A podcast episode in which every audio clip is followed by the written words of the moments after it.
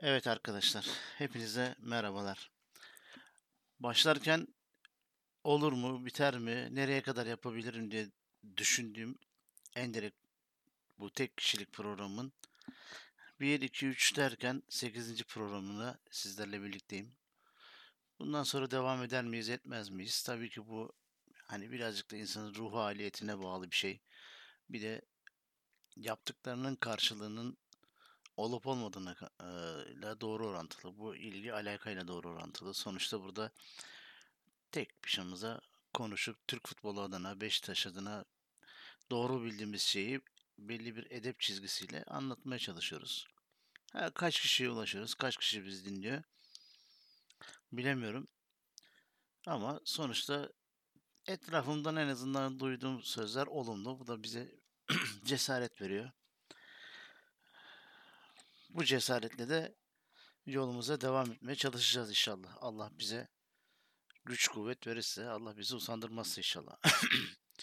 evet, Beşiktaş adına işler iyi gitmiyor. Hep bu son zamanlarda çok sıkça söylediğimiz e, söylemlerden biri.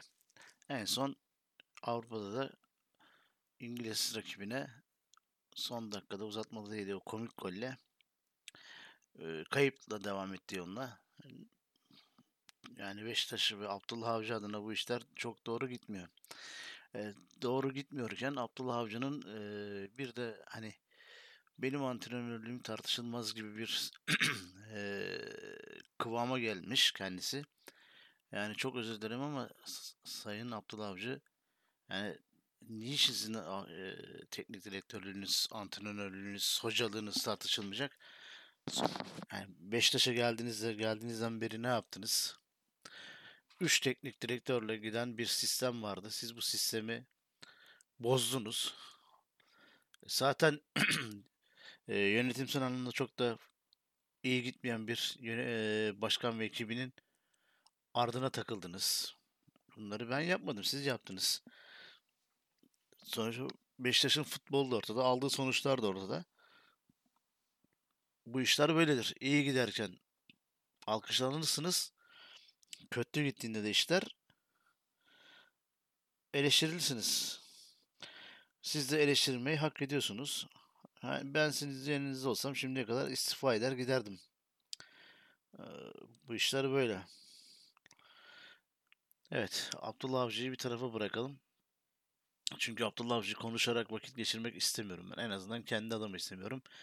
Çünkü Beşiktaş adına yaptığı kötülükler beni sinirlendiriyor, geriyor. Gerilmek de istemiyorum. Evet, ligimizin 7. haftasında Fenerbahçe açılış maçında dün Antalya'yı kendi sahasında yenilerek başladı. Belki kendi adlarını beklemiyorlardı. 15 maçtır kendi sahalarında yenilmiyorlardı. Bu işler böyle olmuyormuş demek ki. Antalya Spor tebrik ederiz. Bakalım diğer takımlar ne yapacaklar. Bu arada biz ee, binicilikten güzel bir haber verelim. İlgiyle takip ettiğimiz takımlardan bir tanesi Karagümrük, Fatih Karagümrük. O da bugün çok önemli bir deplasman olan Eskişehir deplasmanından 3 gol 3 puanla döndü. Sıralamada ikinci durumda şu anda Akisar'ın arkasından. Yani Türk sporuna çok önemli katkılar vermiş. Tarihinde, Türk sporun tarihinde önemli yer edinmiş takımlardan bir tanesi Karagümrük. İnşallah Süper Lig'de oynar tekrar. Başarıları imza atar. Fakat bu takımların ekonomik anlamda da desteğe ihtiyacı var. Yani şu Karagümrük'ün bir göğüs reklam sponsoru yok. Üzücü açıkçası. Yani bir tane bir iş adamı, bir şirket, bir şey yok mu yani destek olacak? Bu kadar mı Karagümrük yoktan sayılıyor? Üzüldüm açıkçası. Evet, şimdi böyle biraz futbolu geride bırakıp gelelim Beşiktaş'ın başkanlık sürecine. Maşallah Beşiktaş başkanlığında bir enflasyon yaşanıyor. Ee, son durum ne? Bu imza toplama hareketleri var. Bu durumda şöyle gidiyor son durum. İsmail Ünal 250 imzayı toplamayı toplayıp hak yani aday olmayı hak etmiş. Gürsel Tekin Oktay yarısını tamamlamış. Perşembeye kadar tamamlar gibi gözüküyor. Ahmet Ahmet Nur Cebi de tamamlamış ama bu listesini henüz bir divana sunmamış. Serdar Adalı'da da imzalar tamammış. Bakalım ne olacaklar. Ama görünen o ki Beşiktaş'ta şu son durumda e, bir yarış, başkanlık yarışı Serdar Adalı ile Ahmet Nur Cebi arasında geçer. Serdar Adalı cephesinde ekstradan şeyler var. Söylemler var. Bu söylemlerden bazıları da şu. İşte gerekli parayı çünkü önemli olan başkan seçilmek değil. Başkan seçildiğiniz anda kapınızın önünde duran ödeme miktarları var. Bu parayı bir şekilde bulup hazırlandığını söylüyorlar. Ondan sonra bakalım ne olacak. Gerçekten bu parayı buldum mu? ne kadarını buldu? Bulabildi mi? Bunların hepsi önümüzdeki süreçte göreceğimiz şeyler. Önce kongre üyelerinin Beşiktaş'ın geleceğiyle ilgili sağlıklı karar vermesini bekleyelim. Ondan sonra. Bu arada tabii Beşiktaş'ın e, bütçesi de çok konuşulan durumlardan bir tanesi. E, şimdi bir bilgi aktarayım size. Mesela e, Beşiktaş'ta genel müdür ve genel müdür yardımcılarının kulübe yıllık brüt maliyeti 2012 yılında 833 bin lirayken 31-12-2018 itibariyle bu tutarın 5899.912 lira olmuş. 2017 rakamı 4.617.910 4 milyon 641.910 tam yani düşünebiliyor musunuz? %27.1 artış. Allah helal olsun. Beşiktaş'ın mali tablasında perdelenmiş hesaplarının var olduğu da söyleniyor. Mesela danışmanlık gideri adı altında ne ödeniyorsa bilinsin istenmiyormuş. Bu aldığımız duyumlarda. 2012 yılında 118 bin lira olan danışmanlık giderleri 2013 yılında 1 milyon 703 bin 2014 yılında 1 milyon 860 bin olarak ayrı hesaplarda gösterilmiş. 2015 yılında itibaren dava ve icra giderleriyle birleştirilerek kamufle edilmeye çalışılmış. Bu şekilde birleştirilen hesabın 2015 miktarı 3 milyon 506 bin lira iken 2018'de 22 milyon 188 bin 816 lira olmuş. Buyurun. Evet. Böylece paralar gidiyor, gidiyor bir yerlere. Taraftar bir yandan soruyor paralar nerede? E tabi buna kızan da var bu söze.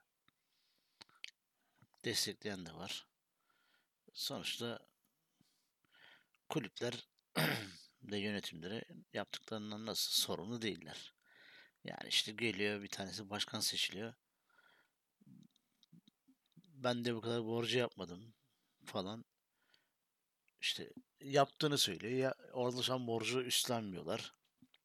Mesela Sayın Fikret Orman da hani ben onu yaptım, bunu yaptım, burada her yerde benim alın terim var diyor ama e, tamam zaten hani sizin yaptığınız tüm olumlu şeyler alkışlanıyorken e, bu borcu da herhalde biz yapmadık, biz oluşturmadık. Bu borcun da bir oluşma sebebi var. Yani nasıl e, çıkıp da yaptığınız olumlu şeyleri söylüyorsanız kalkıp bu olumsuz şeyleri de bir şekilde ortaya dökerek demeniz lazım. Ya biz hata yaptık şu konularda. Bu hataların dönüşümü de faturası bize ağır oldu. Çok da zor bir şey değil. Evet Beşiktaş'ta yani adaylardan bahsettik. Bu adaylardan bir tanesi de İsmail Ünal. İsmail Ünal'ın bu kulübe yaptığı zararları, manevi zararları bizden çok kendisi iyi bilir. Yani bir insan nasıl olur da bu kadar manevi zarar vermişken hala çıkar da aday olur. Çok acayip konular bunlar ya. Yani bilemiyoruz. Biz mi farklı düşünüyoruz bu dünyayı? Yoksa bu arkadaşlar mı farklı doğru algılıyor? Hakikaten bir muamma. Ahmet Bey, Ahmet Nur Cebi'nin kazanma oranı yüksek gibi gözüküyor. Ahmet Nur Cebi beyefendiye de tabii ki eleştiriler var. Bu oluşan borçların hepsinin altına imza atan siz yönetimlerde sizler de vardınız diyorlar. İşte herkes kendi penceresinden haklı olarak eleştirilerde bulunuyor. Beşiktaş şu anda böyle hani hakikaten bir travma geçiren hasta. Çünkü sıkıntı ortada. Bu sıkıntının sebepleri de ortada. Burada yapılması gereken tek şey var. Geçmişten bugüne herkesin hakikaten gerçekten yani Beşiktaşlılarsa oturup bir e, vicdani hesaplarını, muhakemelerini yapmaları yani herkes bu muhakemeyi yaptıktan sonra kalkıp da açık yüreklere Beşiktaşlara diyecek ki ben kendi adıma yönetimdeyken veya yönetim dışındayken Beşiktaş'a şu şu zararları verdim. Bunu derseler, bunu yaparlarsa her şey düzelecek gibi. Çünkü vicdani hesabınızı vermediğiniz müddetçe Beşiktaş'a vereceğiniz zarar gittikçe büyüyor.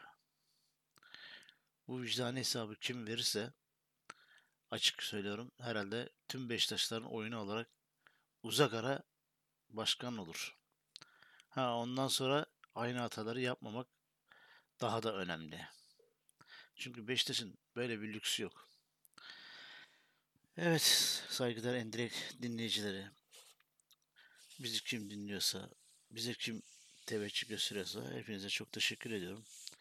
Sürçülisan ettiysek affola. Başta dediğim gibi başlarken